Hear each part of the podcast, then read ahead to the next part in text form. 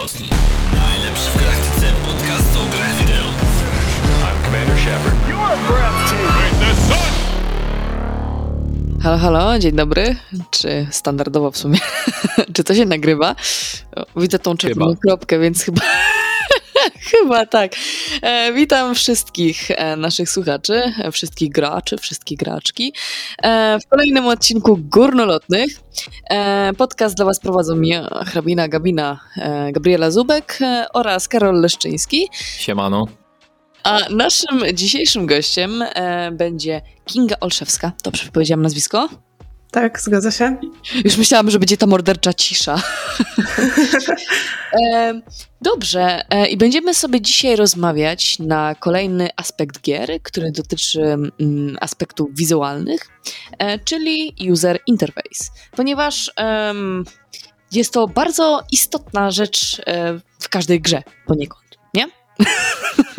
I wcale nie jest taka prosta, jak dowodzi na przykład nowy Battlefield. Tak. nie grałam jeszcze w Battlefielda. No, ci- ciągnie druta dla zainteresowanych. Oj, Mam nadzieję, że pomogłem, pomogłem podjąć decyzję w kwestii zakupu. E, To, to just in a nutshell, no nie? Że ciągnie No. no. tutaj, spoko. No, tak mniej więcej. E, więc tak, będziemy sobie dzisiaj hmm, robić dysputy e, na temat właśnie user interface i user experience. I nasz gość, e, pani Kinga, Kinga pomoże nam odnaleźć się w temacie. Więc słów kilka o naszym gościu. Kinga, opowiedz nam coś o sobie. Proszę. Cześć wszystkim. Em, witam również wszystkich słuchaczy, jak i słuchaczki podcastu. Nazywam się Kinga Olszewska. Pracuję na stanowisku UX UI designerki już ponad 3 lata. Dodatkowo pełnię rolę konsultantki dostępności cyfrowej, więc na pewno w trakcie dzisiejszego spotkania zahaczymy o ten temat wiele razy, gdyż jest to mój taki personalny konik. A w samym IT siedzę już około 5 lat. Dobra, to ja mam bardzo ważne pytanie e, kluczowe. Dlaczego skrótem od User Experience jest UX, a nie? UE? No bo UE są tu Unii Europejskiej. Nie! Nie! Kto to ustalał? Poproszę kontakt do tego człowieka. Chcę z nim porozmawiać. E, bardzo dobre pytanie. Niestety nie znam, e, nie mam na nie odpowiedzi. Wydaje mi się, że po prostu brzmi fajniej niż, no, co mam powiedzieć, jestem UE designerem. No dobra, no Sound School to jest odpowiedź chyba, która dobrze to w sumie tłumaczy. No ale X, no w sumie to się bardziej kojarzy z exper- experience, no nie? No dobra, no powiedzmy, pewnie w anglosaskich krajach tak, no. No dobra, ale jak już poruszyliśmy, to może od podstaw. Czym jest i UX i czym jest UI i z czym się je? Dokładnie. No dobra, tak więc e, można powiedzieć, że UI e, mieści się w UX-ie, mm, a na pewno gdzieś tam na siebie te dwie materie oddziałują. Jednak z takiej perspektywy zawodowej, czy właśnie pracy na tym stanowisku, UX i UI to są dwie zupełnie inne specjalizacje, ponieważ UX Tutaj z definicji jest to projektowanie doświadczeń użytkownika. Może powiem w ogóle, czym są te doświadczenia, bo zazwyczaj, kiedy mówimy o doświadczeniach, to ludzie myślą, że to jest coś na zasadzie widzę słodkiego szczeniaczka, więc się uśmiecham, bo widzę słodkiego szczeniaczka. A doświadczenia związane z korzystaniem z produktu cyfrowego, czyli właśnie aplikacji mobilnej, strony internetowej, czy chociażby gry, wynikają z tego, że po prostu z tego produktu korzysta nam się dobrze, tak? E, nie ma problemów technicznych, informacje są dla nas jasne, interfejs jest dla nas zrozumiały, łatwo się z tego korzysta i przyjemnie. I to wtedy oznacza, że są dobre doświadczenia związane z jakimś produktem cyfrowym.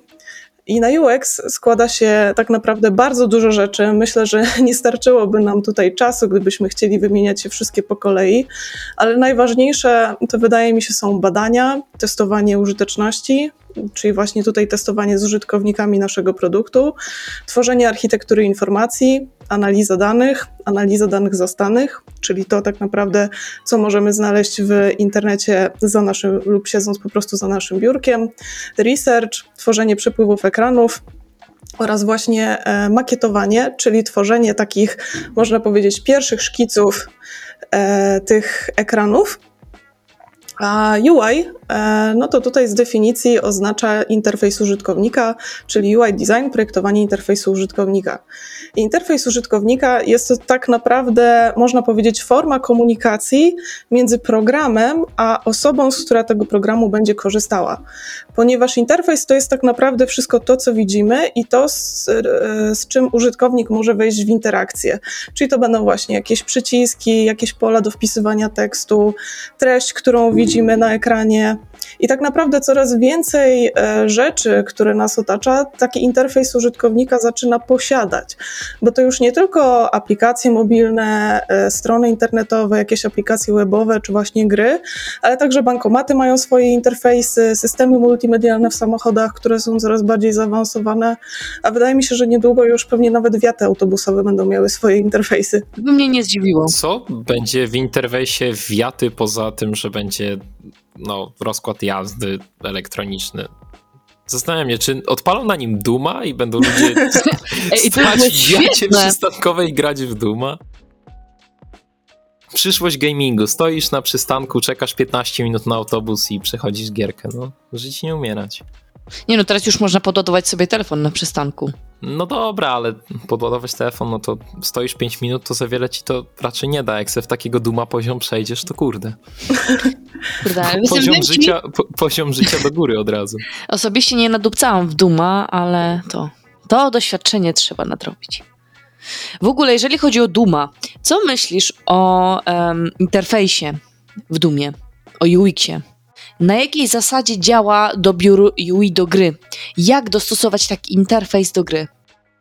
E, no to tak, jeśli chodzi w ogóle o interfejs Duma, mm, nie wiem, czy tutaj mogę za dużo coś od siebie powiedzieć, bo po prostu w tą grę nie grałam i też nie chciałabym jej tutaj w jakiś sposób niewłaściwie ją osądzać. Więc może ewentualnie zostawimy sobie to gdzieś na końcówkę. E, a, jeśli chodzi, a jeśli chodzi o sam dobór interfejsu względem gry, no to wydaje mi się, że. Mm, no może zacznijmy od tego, co w ogóle składa się na dobry UX, jeśli chodzi o gry, tak?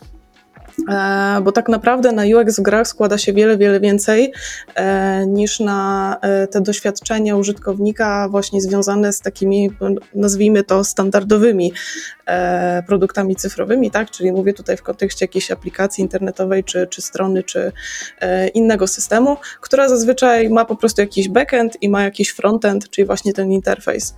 A w grach i to, w jaki sposób w ogóle mamy dobrać interfejs, czy w ogóle te doświadczenia związane z tą grą będą dla nas fajne, przyjemne i będziemy chcieli do nich wracać, no to tutaj mamy wiele składowych, bo właśnie e, wchodzi oczywiście wygląd tego interfejsu, e, wchodzą tutaj oczywiście też projekty postaci, projekty poziomów, e, czy ta gra posiada jakąś historię, jak jest napisany do niej scenariusz. W, kontekście UI też jest ważne projektowanie dźwięku. Animacje również odgrywają dużą rolę. Więc tutaj e, nie ma prostej odpowiedzi, tak? Tak naprawdę, jaki e, interfejs by pasował do mojej gry. Mm, Myślę, że najprościej jest to po prostu dobrać pod względem gatunku gry, ponieważ e, patrząc tutaj na różne gatunki, tak? Czy to gry RPG, czy to survival horror, czy gry akcji, gdzieś tam mamy takie powtarzające się ze sobą schematy, no i one w sumie powtarzają się nie bez powodu. Okej, to ja mam dwa pytania. Czy w kwestii UI opłaca się ryzykować i wymyślać trochę koło na nowo? W sensie na przykład odchodzić od takich bardzo utartych schematów tego klasycznego powiedzmy chuda, na przykład w jakichś FPS-ach typu prawy dolny róg mamy broń, granaty i tak dalej, lewy górny róg mamy pasek życia i tak dalej? No, e, jak to mówią, jest ryzyko, jest zabawa. Okej. E, ogólnie, jeśli chodzi o projektowanie UX, e, warto wychodzić z zasady, mm, żeby nie tworzyć tego koła na nowo. E, jednak jeśli mówimy tutaj o grach, e, no to czasami takie ryzyko może się opłacić. I tutaj chyba przytoczę jeden z moich ulubionych, można powiedzieć, przykładów, jeśli w ogóle chodzi o interfejsy użytkownika. Mm, To jest gra Dead Space. Nie wiem, czy kojarzycie tytuł? Oczywiście, że tak. Co prawda nie grałem, ale tam jeżeli chodzi o ten interfejs, a w zasadzie jego brak, no to, to, jest, to jest ekstra. E, no ja też, ja przyznam, że grałam chwilę, aż pojawił się pierwszy przeciwnik, potem wyłączyłam i zapomniałam już na zawsze. E, zaś jeśli chodzi o sam interfejs w tej grze, można powiedzieć, że jest to naprawdę e, ikoniczny interfejs i to, co zrobił Dead Space, to się nazywa, z angielskiego jest takie określenie diegetic UI. Mam nadzieję, że to dobrze wypowiedziałam.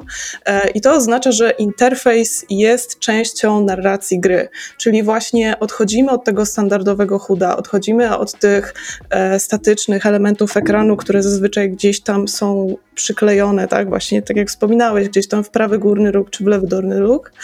E, no i oczywiście e, decydując się na taki interfejs też trochę ryzykujemy, dlatego że mm, trochę odbieramy użytkownikom tą czytelność, e, tak, ponieważ elementy interfejsu, szczególnie w Dead Space, są albo przedstawione w formie w formie tutaj tych takich wypełniających się pasków na, na rigu, na tej takiej zbroi głównego bohatera, co jest w ogóle super alternatywą dla pokazywania jakiegoś statusu bez właśnie niepotrzebnego um, zapełniania tego um, chuda elementami, ale również mamy pokazywanie interfejsu w formie hologramu.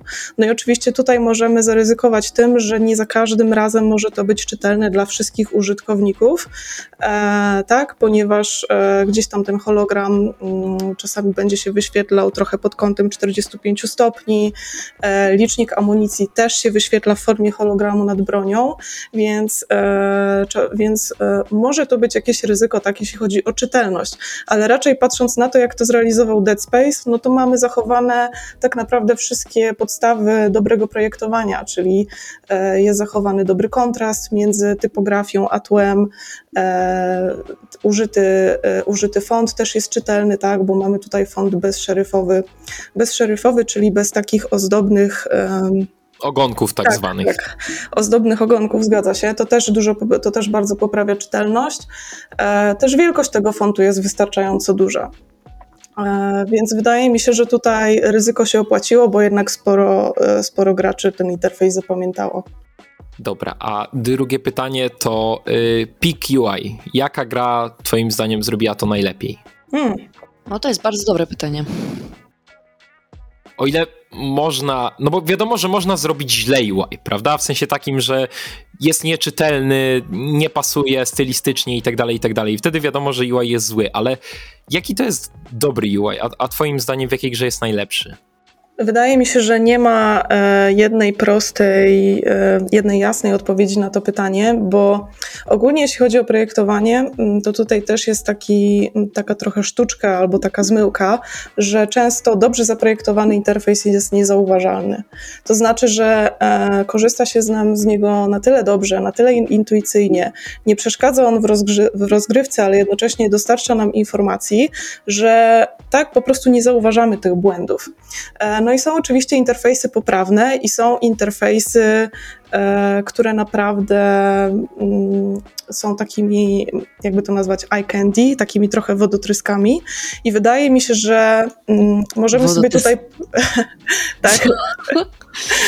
Wodotryski, wybuchy, tak mówimy Ach, w branży, jak coś jest takie, wiecie, wow i w ogóle. Aż za mocno trochę. Tak, tak. I wydaje mi się, że moglibyśmy sobie e, tutaj podzielić to na dwie kategorie. Interfejs, który jest właśnie poprawny, który jest dostępny dla wszystkich. E, co to znaczy dostępny dla wszystkich? To znaczy właśnie, że nie wyklucza żadnej grupy użytkowników, nie wyklucza żadnej grupy graczy czyli właśnie e, dodatkowo zawiera jakieś ustawienia tego interfejsu. E, czyli możemy sobie powiększyć na przykład typografię, możemy sobie powiększyć elementy HADA. E, tak, osoby na przykład, które mają problemy ze wzrokiem, z widzeniem i e, są na przykład graczami konsolowymi i nie za dobrze im się zawsze, nie za dobrze im się może grać w niektóre tytuły po prostu siedząc na kanapie, tak, bo mamy tutaj trochę inny kontekst użycia niż grając przy komputerze, będąc blisko monitora, mogą na przykład na tej rozgrywce tracić. Więc tak naprawdę taki dobry, wzorowy interfejs, no to często musi też brać mm, pod uwagę właśnie decyzje e, projektowe, no ale też decyzje właśnie chociażby odnośnie tutaj możliwości zmiany ustawień interfejsu. Więc powinien być on tak naprawdę jak najbardziej, tutaj znowu może użyję z angielskiego, taki jakby flexible. Elastyczny? Tak, tak. Ciężko, wydaje mi się, że tutaj ciężko wybrać faworyta. Mm, e, bo wiele gier po prostu zrobiło to dobrze, tak? A na pewno e, tytuły AAA typu e, God of War, nowy The Last of Us, nowe części na pewno Resident Evil e, również e, fajnie poszły teraz w bardziej taki minimalistyczny styl UI'a. Ghost of Tsushima, więc myślę, że tutaj można byłoby wybierać wiele. Zaś jeśli chodzi o takie interfejsy, który, taki interfejs, który zrobił na mnie największe, największe wrażenie pod kątem takiej stylistyki i pójścia w ogóle w jakiś kierunek artystyczny, to myślę, że to by była Persona 5. O tak, miałam o No tym nie, mówić. no. JRPG wszędzie. Nie, no drogi. policja, JRPG to... Nie, Persona czemu 5 to- to jest po prostu no, fenomen moim zdaniem. Przemyślany od A do Z, jeżeli chodzi o interfejs. To prawda. Znaczy tutaj muszę, Karolu, cię zasmucić, ale jeśli twój interfejs jest tak dobry, że ludzie robią jego cosplay, no to No dobra, no to... Okej, no tutaj trzeba odpuścić pola. Commander Shepard. Breathtaking. the sun. Y, Wcześniej na samym początku mówiłaś a propos tego accessibility i że jest to twój konik, to pewnie słyszałaś a propos tego, co dodają do Forzy piątki, czyli dla osób głuchoniemych. Czy a propos tego właśnie a propos accessibility, czy, czy obiłeś się o uszy? e, jeśli chodzi o Forza 5, to przyznam, że nie. E, na pewno dużym takim, mm, dużym takim rozgłosem, e, czy właśnie może bardziej echem, obiły się ustawienia dostępności w The Last of Us Part 2. E, Boże, ale ja dzisiaj mieszam polski z angielskim. Spoko, to jest standardzik, także Więc na pewno o tym mogłabym powiedzieć coś więcej. O Forzy, o, tutaj nie, nie wtajemniczałam się po prostu w temat, ale na pewno sprawdzę. A co było w dwójce? Bo ja pamiętam, że to się wyświetlało na początku rozgrywki, w sensie The Last of Us 2, ale no z uwagi na to, że nie korzystam, no to po prostu to skipnąłem, tak? Ale widziałem, że tam było chyba dla osób niedosłyszących były jakieś wspomagania i jeszcze kilka innych, ale nie pamiętam. E, tak, na pewno dla niedosłyszących, na pewno dla niewidomych, e, czy osób właśnie, które no, po prostu zmagają się z jakąś większą niepełnosprawnością związaną ze wzrokiem albo z tak zwaną ślepotą barwną, czyli nierozróżnianiem pewnych kolorów. Tutaj najpopularniejszy jest oczywiście daltonizm, pewnie e, wszystkim znany. I to, co oni zrobili, to tak naprawdę mm, w ustawieniach accessibility w grze mm, można sobie włączyć takie opcje właśnie jak e, powiększenie e, znowu tutaj interfejsu HUD, zmiana koloru HUD-a, przyciemnienie tła pod HUD-em, bo ogólnie The Last of Us e, część druga wykorzystuje taki fajny efekt pod swoim interfejsem, dość, dość teraz popularny.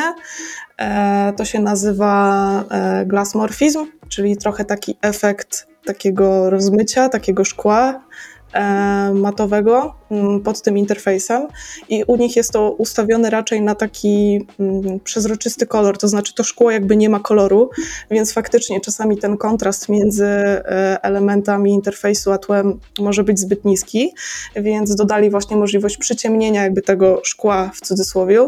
E, Ten efekt też wykorzystuje e, Apple więc jeśli e, tutaj, czy wy, czy wasi słuchacze mieliście kiedyś iPhone'a, no to pewnie spotkaliście się z czymś takim. E, masa w ogóle ustawień, napisów. E, w przypadku napisów też dodali takie mm, strzałki przy e, imionach bohaterów, które pokazują, e, z której strony wypowiada się rozmówca, gdzie on teraz w grze się znajduje. E, więc znowu super, su- super wspomaganie właśnie dla osób z niepełnosprawnością słuchu. E, Dużo również dźwiękowych wskazówek, czyli pojawiają się sygnały dźwiękowe w momencie, kiedy należy kucnąć albo kiedy należy prze, przez coś przeskoczyć. E, Dali również ustawienia bardzo wysokiego kontrastu i wtedy w grze pojawia się, znaczy na całą grę nanosi się taka tekstura jakby szarości, wszystko staje się raczej takie wyszarzone e, poza przeciwnikami i tutaj głównymi bohaterami, tak, którymi, e, którymi gramy.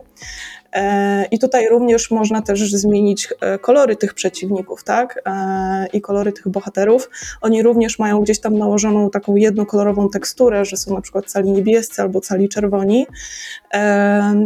I tutaj też dla ciekawskich polecam taki kanał na YouTubie pana, on się nazywa Steve Saylor i ma kanał właśnie The Blind Gamer i kiedy wypowiadał się w ogóle o tej grze, o drugiej części The Last of Us, e, to no normalnie płakał, e, płakał ze szczęścia, że to jest pierwsza taka gra, którą może przejść naprawdę osoba e, niewidoma, osoba z bardzo dużą wadą wzroku. Oraz oczywiście na tym kanale on recenzuje ustawienia dostępności w innych tytułach, więc również zachęcam do obejrzenia. To jest w ogóle niesamowite, że dzięki rozwojowi techniki i rozwojowi w ogóle e, możliwości gier, e, nawet osoby, które właśnie mają niepełnosprawności, e, mogą przeżywać taką samą imersję jak gracz e, bez niepełnosprawności. Czy dla, na mnie zawsze największe wrażenie robi y, to, jak osoby, które na przykład rodzą się bez, czy rodzą, czy tracą w jakimś nieszczęśliwym wypadku na przykład kończyny i potrafią dostosować sobie kontrolery albo, albo klawiaturę, mysz do tego, żeby grać w takie bardzo dynamiczne gry typu Liga czy Counter-Strike i po prostu nie to, że jakoś sobie radzą, tylko grają na absolutnie najwyższym poziomie, dużo lepiej niż zdecydowana większość graczy, która jest w pełni sprawna, tak powiedzmy standardowo, no to to robi na mnie naprawdę niesamowite wrażenie. Tak, a zauważasz też, że takie osoby o wiele bardziej się starają, prawda? E, I to jest niesamowite, bo e, właśnie to też sprawia zawsze taka, mm, takie sytuacje, takie, e, jak słyszę takie historie, że trzeba właśnie doceniać tą sprawność, jak się ma, bo nagle jak się ją straci. Ja na przykład, jeżeli bym teraz miała problem z nadgarstkiem, czy powiedzmy, no nie chciałabym stracić ręki, ale gdybym powiedzmy, no gdyby się coś stało i nie mogłabym malować, to byłoby to dla mnie ogromnym ciężarem zacząć od nowa i na przykład drugą ręką. Więc takie osoby dla mnie to są wymiatacze. To prawda. I tutaj fajnie, że wspomniałaś o tym przykładzie złamanej ręki, bo właśnie dlaczego ta e, dostępność cyfrowa, dlaczego to e, accessibility jest tak ważne, jeśli chodzi o projektowanie e, właśnie nie tylko gier, ale ogólnie produktów cyfrowych, no bo m, możemy sobie to też podzielić na parę grup, tak? Mamy właśnie niepełnosprawność stałą, czyli po prostu ktoś na przykład się urodził z konkretną wadą, albo niepełnosprawnością, ale mamy też właśnie niepełnosprawności takie mm, czasowe albo sytuacyjne. Czasowe, no to właśnie tak jak powiedziałaś, e, mam złamaną rękę, no i teraz słabo, bo nie mogę obsłużyć pada. E, albo właśnie sytuacyjne, czyli na przykład mogę trzymać dziecko na rękach i znowu jedną rękę mam w jakiś sposób zajętą. To też prawda. A w ogóle jeszcze tak już jak mówimy o tych sytuacyjnych, to przypomniała mi się mm, ta rzecz odnośnie cyberpunka i ludzi chyba z e, padaczką, tak, dobrze mówię, e, że przez te błyski e, znaczy przez brak ostrzeżenia przede wszystkim. To chyba tak, tam była największy, jakby największy problem był z tym, że gra nie, grze brakowało we wstępie tego standardowego ostrzeżenia, które jest we wszystkich tytułach, że zawiera tak jaskrawe i migające światła i tak dalej, więc jeżeli... Epilepsja, tak. Tak, o, to, to istnieje Boże kochany, to można ryzyko. To, trzeba na to uważać po prostu, tak, istnieje ryzyko po prostu. Aj. No, to, jeszcze, mm, to jeszcze jeden ciekawy przykład w sumie u mnie z życia, bo y, ja raczej jestem osobą w pełni sprawną, chociaż nie ukrywam, że jednak pracując przy tym komputerze, gdzieś ten wzrok no, powoli zaczyna się pogarszać. I ostatnio e, sama musiałam właśnie zrezygnować z gry w jeden tytuł, dlatego że e, no, nie było po prostu możliwości ustawienia właśnie większego fontu w interfejsie. Ja jestem konsolowcem, więc siedziałam standardowo na kanapie i ściągnęłam sobie wtedy za darmo w PS Plusie był tytuł e, Remnant from the Ashes. E, to była taka e, gierka, już wam zaraz, już sobie zaraz przypomnę, to jest twórców... To jest takie souls-like'owe, taki miks troszeczkę wszystkiego. Tak, tak. E, I tak, i właśnie mm, zobaczyłam, że gra ogólnie na Metacriticu miała naprawdę e, dobre oceny, prawie 9 na 10. E, jednak opuściłam, już musiałam porzucić ten tytuł w momencie wybierania archetypu. To było gdzieś tam na początku gry. Czyli był po prostu screen, na którym były przedstawione trzy różne właśnie archetypy postaci do wyboru. Każda miała swój opis i Boże, ten tekst był taki malutki, że ja musiałam zerwać się z tej kanapy, podejść do tego telewizora i zacząć czytać, o co tam w ogóle chodzi. E, I to sprawiło, że po prostu zniechęciłam się do tej gry. E, jeśli tutaj, e, tak, jeśli słuchacie teraz tego podcastu i może takie ustawienia są, a ja jakimś cudem je pominęłam, to oczywiście zwracam honor temu tytułowi, ale raczej szukałam i nie znalazłam. No i właśnie mm, tak, to też właśnie te ustawienia dostępności mogą sprawić, że gracze będą porzucać jakiś tytuł. O tym znaczy, myślałam w sumie. Wydaje mi się, że y, to też było mniejsze studio, więc wiadomo, że im mniej jest ludzi, tym też jest mniejsza i im mniej pieniędzy, jest mniejsza szansa na to, że te, mnogość takich rozwiązań się pojawi, tak? No, nie ma co porównywać do chociażby budżetu i zasobów takiego The Last of Us 2, ale wydaje mi się, że to wynika po prostu z tego, że chyba się jeszcze nie myśli o tym aż tak często, najzwyczajniej w świecie, je, produkując grę, na temat tego, że ktoś na przykład nie widzi tych napisów, tak? Tak jak, tak jak teraz mówisz o tym. Tak, to prawda. Oczywiście budżet tutaj odgrywa bardzo dużą rolę i zresztą e, tutaj e, w ogóle wchodząc w te ustawienia dostępności e, w, w The Last of Us, tam jest jeszcze taki biały tekst, że wchodząc w te ustawienia dostępności zgadzasz się na udział w tam chyba jest napisane udział w badaniu czy w analizie, żeby właśnie studio w przyszłości mogło jeszcze bardziej dopracować te ustawienia, więc no tutaj na pewno budżet na to jest bardzo duży. No, no, to jest też problem produkowania gier, że niestety wszystko kosztuje. I to tak serio wszystko. Nie, patrząc na obecną sytuację ekonomiczną, to nie tylko wszystko w grach kosztuje. Wszystko kosztuje. Ale nie, dobra, nie będę tutaj rantować na temat sytuacji To swoją ale... drogą, ale w grach, że tak powiem, do, do potęgi niestety. No. Więc, więc nawet takie proste rzeczy, jak, jak właśnie opcja na przykład wyboru tekstu, żeby był tylko o numerek powiedzmy większy, czy na przykład dwa, no to też jest dodatkowa rzecz, nad którą ktoś musi usiąść i ją no. zrealizować. Oczywiście powinno się, ale no wiadomo, też po prostu to kosztuje. Nie, generalnie minimalizm i optymalizacja. To to jest chyba mm, Tylko najlepsze. nie minimalizowanie czcionek. Nawet nie denerwuj. nie, ale generalnie zauważyłam też, że fajnie jest, jak jest ograniczony ten interfejs, na przykład, no nie wiem, jak wspomniałaś e, o Dead Space, że to jest część e, tak jakby, że Część, no, ojku, nie, będzie to głupie brzmieć, jak powiesz, że to jest część gry, ale wiesz o co mi chodzi, że nie masz wszystkiego pokazanego, tylko na przykład musisz podejść go, do kontrolki, żeby coś odpalić. I na przykład wydaje mi się, że czasami lepiej wygląda gra estetycznie, jak jest mniej tych opcji. Znaczy, generalnie teraz, jak tak się spojrzy na to, jaki jest trend w projektowaniu UI, to mam wrażenie, że wycina się dosłownie co się da tylko z ekranu, tak? Jak się pasek zdrowia, taki klasyczny, zastępują po prostu jakieś takie czerwone, czerwona obramówka, jeżeli się dostaje obrażenia. Na przykład teraz sobie gram w Fallen Ordera, to tam praktycznie w ogóle nie ma interfejsu, jest tylko taki, jest praktycznie pasek zdrowia tylko w lewym dolnym rogu i to też taki mały, bardzo nie rzucający się w oczy, a wszystko inne jest w zasadzie w formie takich kontekstowych yy, promptów, że dopiero jak się podchodzi do czegoś, to, to dopiero go widać. No bo dzięki temu jest taki w sumie czystszy ten interfejs. No tak, zdecydowanie. W ogóle e, Kinga, e, zaczęliśmy mówić o naprawdę świetnych tytułach jak The Last of Us 2, e, pomijając to, co zrobili z Joelem, to jest dobry tytuł, e, no i pomijając drugą część gry, gdzie gra się e, pewną żeńską postacią, bo nie chcę tutaj spoilować, no dobra, która nie jest takim, Ellie. Już po e, takim czasie to no dobra, wszyscy wiedzą o Golf Clubie i wszyscy wiedzą o tym, kim się w tak. drugiej połowie. No. chciałam cię zapytać, jakie według ciebie są już legendarne niektóre interfejsy. Którym interfejs określiłabyś jako, nie wiem, ikoniczne?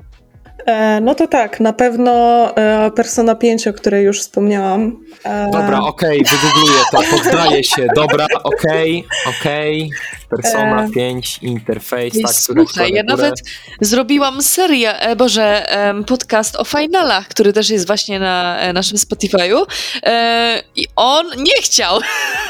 nie chciał. To jest, to jest dobry interfejs? Tak, to jest wybitny interfejs. Jezus Maria, to ja chyba przez 20 lat w inne rzeczy grałem. Policja, przecież to jest jakaś tragedia. Znaczy, słuchajcie. Nie, e, nie no, będę bronił do ostatniej kropelki zdania, że ten interfejs jest straszny. Że tu nic nie widać. Sam Jeszcze nic nie są, widać. no come on, sterczą z bohatera jakieś prostokąty, na których jest napisane jeszcze różnokolorowymi literami jakieś rzeczy. Nie, no to jest dramat, come on. To jest To inna prawda. stylistyka. To jest... Wszystko, jest krzywo. Czemu wszystko jest krzywo? Kurwa. I wyobraź sobie, że ja z nim robiłam e, podcast odnośnie cyberpunka. To tam też poszło. Ale, no bo, no bo niech mi ktoś wytłumaczy, dlaczego wszystko jest krzywo. Nawet jakaś ramka w prawym górnym rogu z jakimś prostym tekstem jest jakaś powyginana. Czemu? Proszę wytłumacz. Oświećcie mnie, oświećcie mnie, dlaczego to jest dobre. Może jest, ja nie ogarniam. Znaczy tak, mówimy tutaj o e, ikonicznych interfejsach, więc to nie zawsze musi oznaczać, że one e, będą się wszystkim podobać. I jakby ja rozumiem tutaj twój zawód jak najbardziej, ale jest to interfejs, który e, no naprawdę wiele osób się do niego odnosi jako do e, naprawdę wspaniałego interfejsu.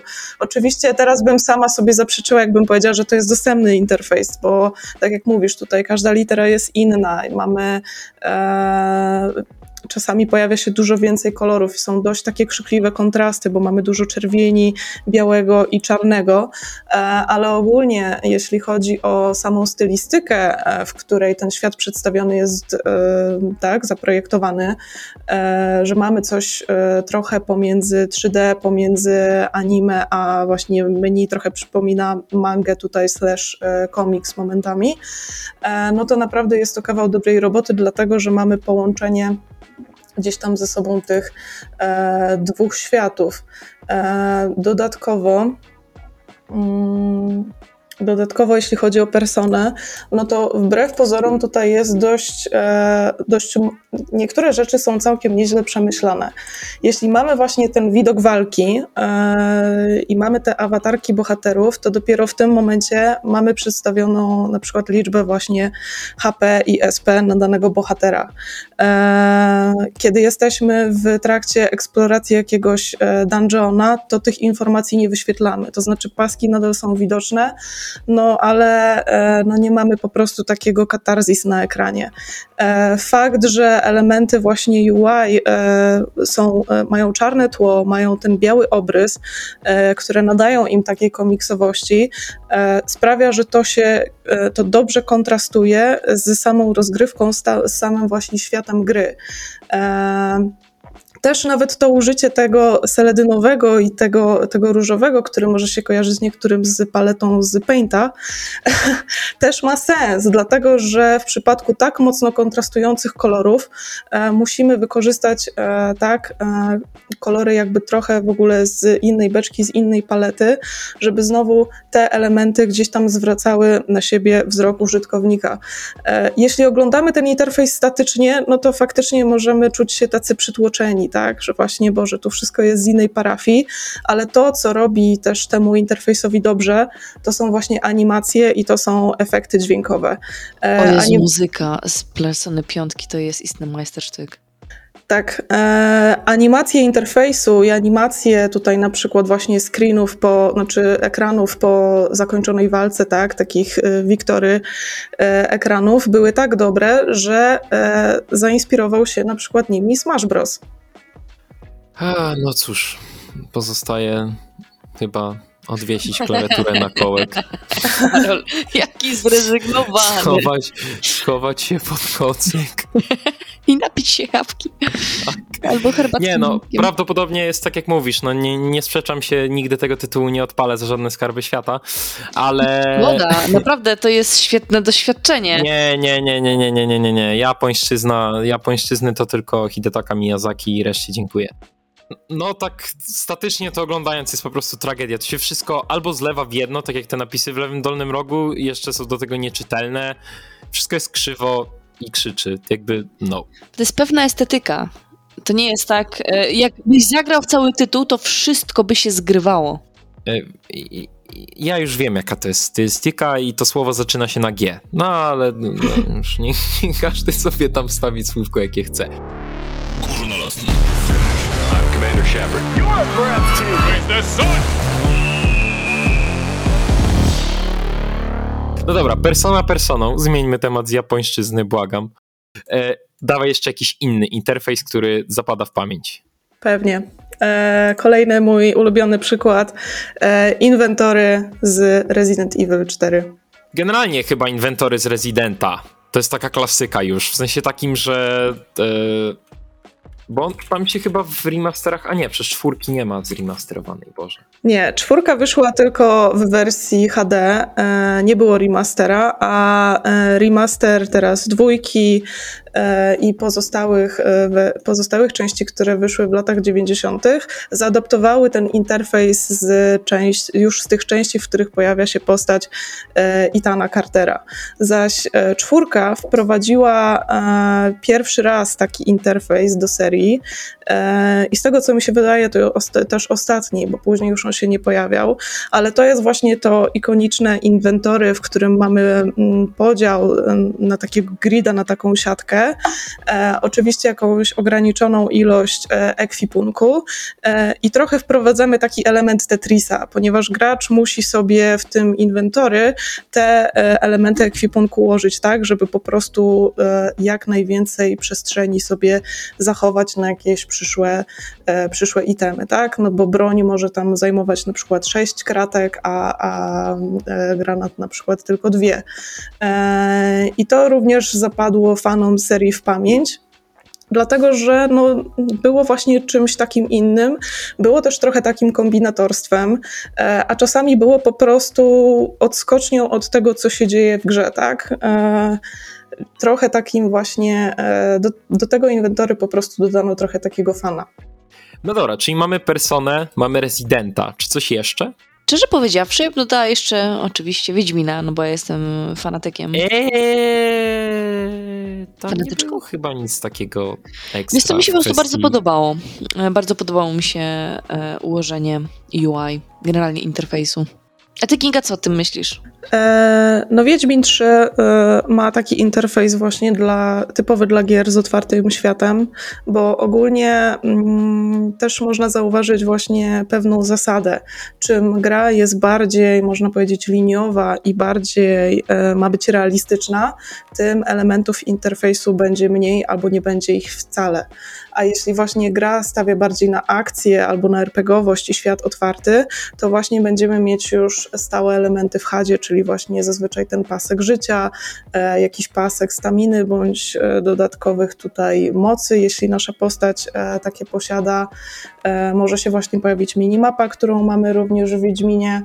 E, Jeśli chodzi o sam interfejs, jest on e, fajnie zaprojektowany. Ja grając w ten tytuł również nie napotkałam żadnych, e, żadnych problemów, ale co myśl, myślę, że czym tutaj na przykład Wiedźmin mógłby zabłysnąć, to jest koło wyboru zaklęć.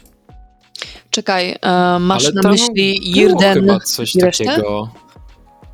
Hold on. Przecież jak było, już nie pamiętam pod którym guzikiem, więc jakby don't mind me, bo grałem w to 100 lat temu, ale jak się wciskało chyba Q, to było takie półkole ze znakami. Tak, czy bredze. było chyba coś Mhm. takiego. No, No Tak. więc coś na kształt tego e, chyba. mi się w ogóle podobał zabieg, że jak się używało wiedźmińskich zmysłów, to tak jakby reszta bledła i po prostu te fragmenty, których e, szukaliśmy, były, że tak powiem, e, wyświetlane na czerwono, dobrze pamiętam? Czy to był Tak, tak, ale i tak czasem można się było zgubić. Czasami, czasami efekty były różne. A swoją drogą, jeśli chodzi o interfejsy, to mi na przykład bardzo podoba się wygląd Final Fantasy VII Remake. Znowu japońszczyzna. Nie, nie, nie, nie, nie, nie, nie, nie. Dobra, znowu muszę googlować. Policja. Chryste panie. Nie mówcie, że to tak wygląda. Nie, nie, no to, to jest jakiś troll. Jaki troll? Co? Nie, to, to, ta, to tak wygląda? Nie. Przecież ja bym, w, ja bym w pęcie pijany zrobił lepsze. Co to się, co? to- Przecież tutaj, przecież to, to, totalnie nie wiadomo o co chodzi. Tu są, na środku są cztery różne paski, 20, co? Nie. widzisz Kinga z kim ja to muszę Nie, nie, nie. Dobra, personę jeszcze, Nie personę jeszcze bym powiedział, że spoko. Ale to? Ja też nie jestem fanką finali, ale lepiej nie googluj e, Xenoblade Chronicles, bo się załamiesz. Nie, no dobra, teraz to już lecimy. Jakby ja już jestem po, e, po pas, jestem w szambie, więc jakby śmiało. Xenoblade Chronicles, Tak. któraś konkretna część, jakakolwiek. E, w sumie to nie wiem, chyba wszystkie trochę ssały, jeśli chodzi o Dobra, UI. to, to bierzemy mogę. Xenoblade 2. A, tylko trzeba interfejs wpisać. Dobra, interfejs. O, piękne to było. Ale naprawdę nie rozumiem, Karol. a Co jak co, ale ty myślałam, Nie, że no dobra, ty to jest jakaś sklejka, to jest... Haha! No jasne! Jeszcze jakby to powiedziała moja mama, nasrać tylko na środku. No Czekaj, Co? coś też wygoogluję, czekaj. nie, nie. No dobra, to jest paskudne, okej, a teraz wpisz Final Fantasy VII y, interfejs i powiedz mi, że to nie jest to samo. Ale ja Come mówię on. o remake'u, a nie... A no dobra, okej, okej, dobra, to w takim razie remake, zwracam honor. Final Fantasy VII remake. To są stare Zaraz gry, będę musiał sensie odszczekać. Final... Zaraz Tak, będę musiał 90 strzekać. wiesz, dobrze mówię? Żebym się nie...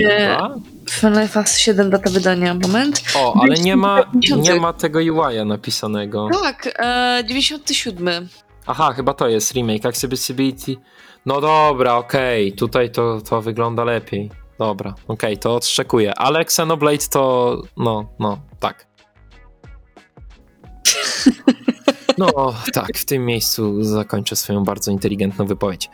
Ja mam jeszcze pytanie takie na przyszłość. Jakie jest Twoim zdaniem przyszłość tego accessibility poza, może nie tyle przyszłość, co, no bo wiadomo, że, znaczy mam taką nadzieję, że ilość tytułów będzie się tylko i wyłącznie zwiększać, tak samo jak ilość tych feature'ów, która będzie, będzie mogła, pozwoli jak największej liczbie osób grać, ale jaki jest teraz Twoim zdaniem taki jeden najbardziej potrzebny feature, który jest taki na wczoraj do zrobienia w grach? Myślę, że to, co na, myślę, że to, co najlepszego mogą zrobić twórcy gier, to przede wszystkim zadbać o kontrast tekstu względem tła. Bo jeśli e, już gra spełnia to minimalne wymaganie, to już spełnia jakieś normy dostępności. I tutaj tak naprawdę nie trzeba żadnych specjalnych feature'ów, bo e, tak naprawdę właśnie, czy to interfejs Wiedźmina, czy interfejs, na przykład świetny interfejs Detroit Become Human, e, wszystkie spełniają standardy kontrastu. Persona wbrew pozorom też, tak? E, chociaż tutaj wiadomo, moglibyśmy o tym spekulować. Kłóciłbym Eee, się. Więc tak na, bo tak naprawdę nie ma nic gorszego niż e, po prostu, e, kiedy gracz nie widzi informacji, która jest na ekranie. Oczywiście też fajną opcją i chyba wydaje mi się takim niedrogim featurem właśnie byłoby chociażby to e, zwiększanie tekstu, bo tak naprawdę mm, jeśli tutaj mówimy o pieniądzach i o grupach docelowych e, osób właśnie, do których w ogóle te produkty są e, skierowane, no to tak, no to prawdopodobnie weźmiemy pod lupę osoby właśnie gdzieś tam z problemami związanymi z, ze wzrokiem. Dodatkowo w taką grupę osób też wliczają się dyslektycy i osoby starsze, więc jeśli mamy właśnie zapewniony dobry tekst, on jest wystarczająco duży, jest kontrastowy względem tła, to już zapewniamy w jakimś stopniu tą dostępność. A wszystkie inne szmery, bariery, no to wiadomo, obsłużą kolejne grupy użytkowników, ale tak jak mówiliśmy już o pieniądzach, na pewno e, będą wiązały się z większymi kosztami wdrożenia. Okej, no w sumie. Znaczy, problem z tekstami jest na przykład taki, no bo jeżeli byśmy mieli taką grę stricte dialogową, no to to paradoksalnie jest w sumie trudne do zaimplementowania, no bo sprawdzasz najpierw, czy wszystkie teksty i tak dalej pasują, i nagle musisz tak naprawdę powiększyć wszystko. I, I nagle z takiego feature'a, który wydawałby się totalnie oczywisty, w sensie takim, że z. Boże kochany, z czcionki 5 robisz czcionkę 10, nagle jest, o kurde, gra się sypie, bo nagle to okienko staje się 10% większe, to też, to też i nagle trzeba trochę bardziej kombinować. To prawda, ale wydaje mi się, że twórcy gier już i tak zmagają się z mm, takim właśnie zmianą szerokości czy wielkości tekstu od dłuższego czasu, dlatego że teraz wszystkie produkty cyfrowe, które powstają na rynku, czy to gry, czy to właśnie aplikacje i tak dalej, muszą być responsywne. E, tak, e, rynek technologiczny się rozwija, każdy w domu ma inny ekran o innej przekątnej, innej rozdzielczości, mamy ekrany 4K, e, mamy różne telewizory i za każdym razem e, gra, czy właśnie strona internetowa, czy, czy coś innego powinno się wyświetlać e, dobrze, właśnie w sposób czytelny. Więc wydaje mi się, że Słuszna oni już na pewno się zmagają z tymi problemami.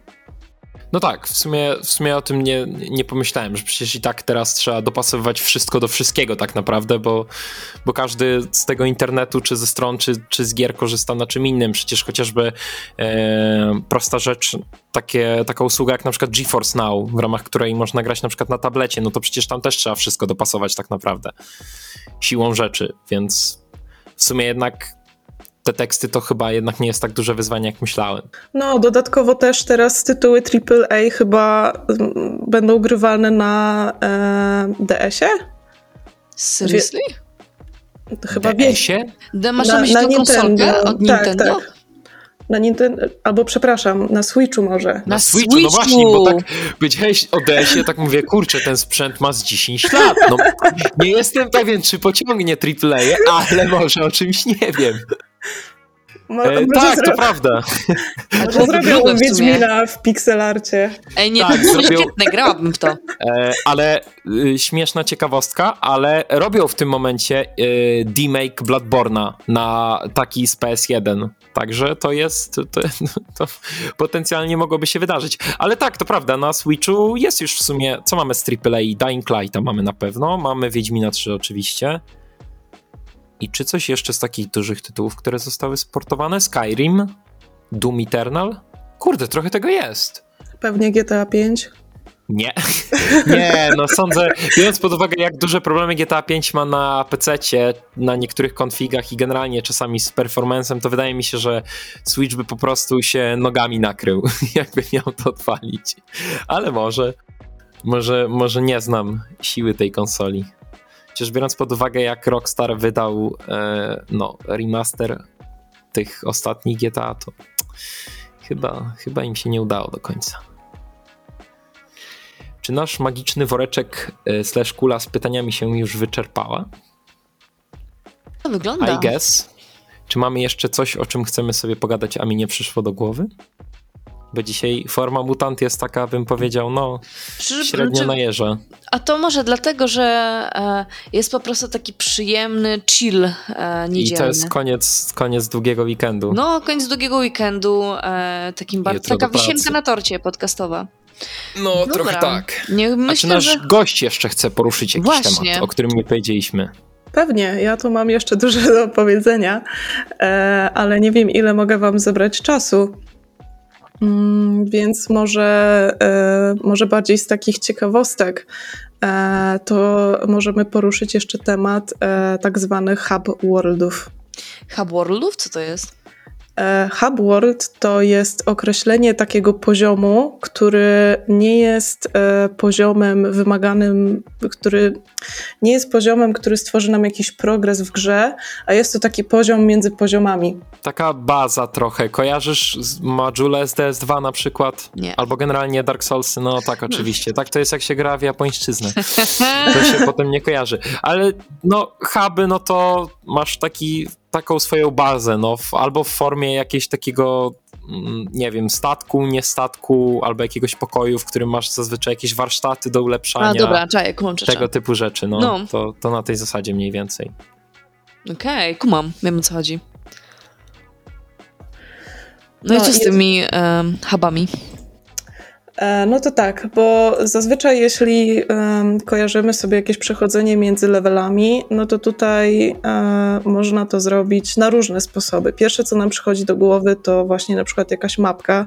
E, bardziej tutaj mówię w kontekście mm, gier właśnie typu platformer, Crash Bandicoot, czy, czy właśnie na pewno będę przytaczać też e, Spyro, e, czyli raczej właśnie takie klasyki e, gry, e, gry dzieciństwa, które właśnie zamiast pójść w takie no, standardowe klikanie między levelami, e, czy właśnie klikanie po mapce, czy no, wybieranie sobie poziomów z listy, e, czy tak jak nie wiem, na przykład w ogóle e, bardzo ciekawy system wybierania poziomów też ma seria Devil May Cry, e, gdzie tam po prostu levele mm, jakby kończymy i strzałkami wybieramy je sobie jakby z menu misji, co też trochę może zabierać takiej e, właśnie grywalności.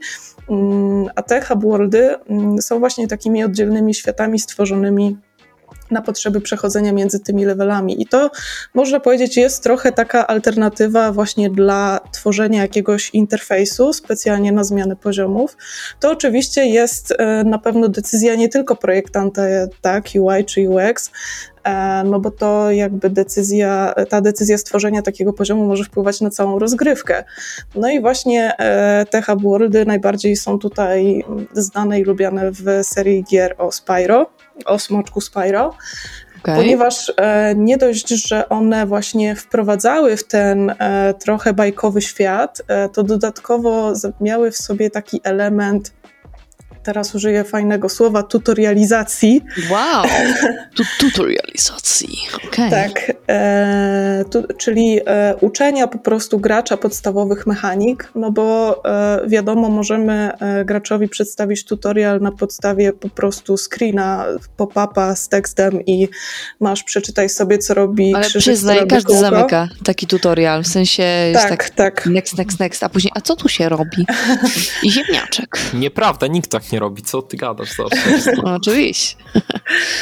E, Dodatkowo w takim hubworldzie mamy właśnie jakiś element eksploracji, element interakcji z otoczeniem. Możemy sobie na przykład podpalać jakieś owieczki czy, Czekaj, e, czy inne kwiatki. Mm, tak, jakby co, spoko, content, content jest family friendly, to tak się wymsknęło tylko, nic się nie, Nie, dzieje świetne. tutaj. Żeby nie było, te owieczki zamieniają się w motylki, a motylki to żyćko, więc nadal wszystko, Wszystko jest w normie, równowaga w Tak. przyrodzie zachowana, proszę się nie przejmować. E, doda, do, dokładnie. E, no i e, tak, te mm, hubworldy też mają jakieś swoje team songs, tak, no gdzieś tam zapadają w pamięci tych graczy. No i dodatkowo są właśnie takim elementem, gdzie można sobie między tymi poziomami po prostu wychillować i się trochę pobawić w tym świecie Spyro. Jeszcze taki fajny przykład poza takimi właśnie grami mm, z lat e, 90., chociaż tutaj może jeszcze szybko wspomnę o, o Crashu, a właściwie o Crash Bandicoot e, części trzeciej. E, tam trochę mieliśmy taki właśnie iconic hub world, gdzie e, tutaj jakby cała gra mm, była w otoczce takiej e, machiny czasu i jak się podchodziło tym crashem już do danego poziomu, to działa się tam jakaś mini interakcja, pojawiały się takie guziczki, na który crash mógł sobie wskoczyć, żeby e, zobaczyć podgląd danego poziomu w takiej kuli z piorunami, więc jakby na tamte czasy, no to to było oczywiście wow. A z takich czasów bardziej współczesnych e, okazało się, że bardzo ważnym elementem właśnie e, hub, e, takiego posiadania w ogóle takiego hub worldu czy takiego social space e, była w, wieża w pierwszej części Destiny. E, która też, która też jakby pozwalała właśnie graczom, tak? Destiny mm, tutaj działało online, oczywiście to jest gra multiplayer, więc e, dodatkowo poza tą eksploracją, czy jakąś inter- właśnie interakcją z NPC-ami, możliwość jakąś tam sprzedaży, czy przechowywania sobie nawet ekwipunku, e, mogliśmy sobie też, tak, po, po, pobawić się, pointegrować z innymi graczami, wykonując jakieś emotki. Więc e, taki, taka część w ogóle dla socjalizacji graczy w grze online była bardzo ważna. A Destiny 2 to zabrało I okazuje się, że wiele osób e, na to narzeka. Jakby tam są podobno takie social space'y, troszkę w innej formie przedstawione.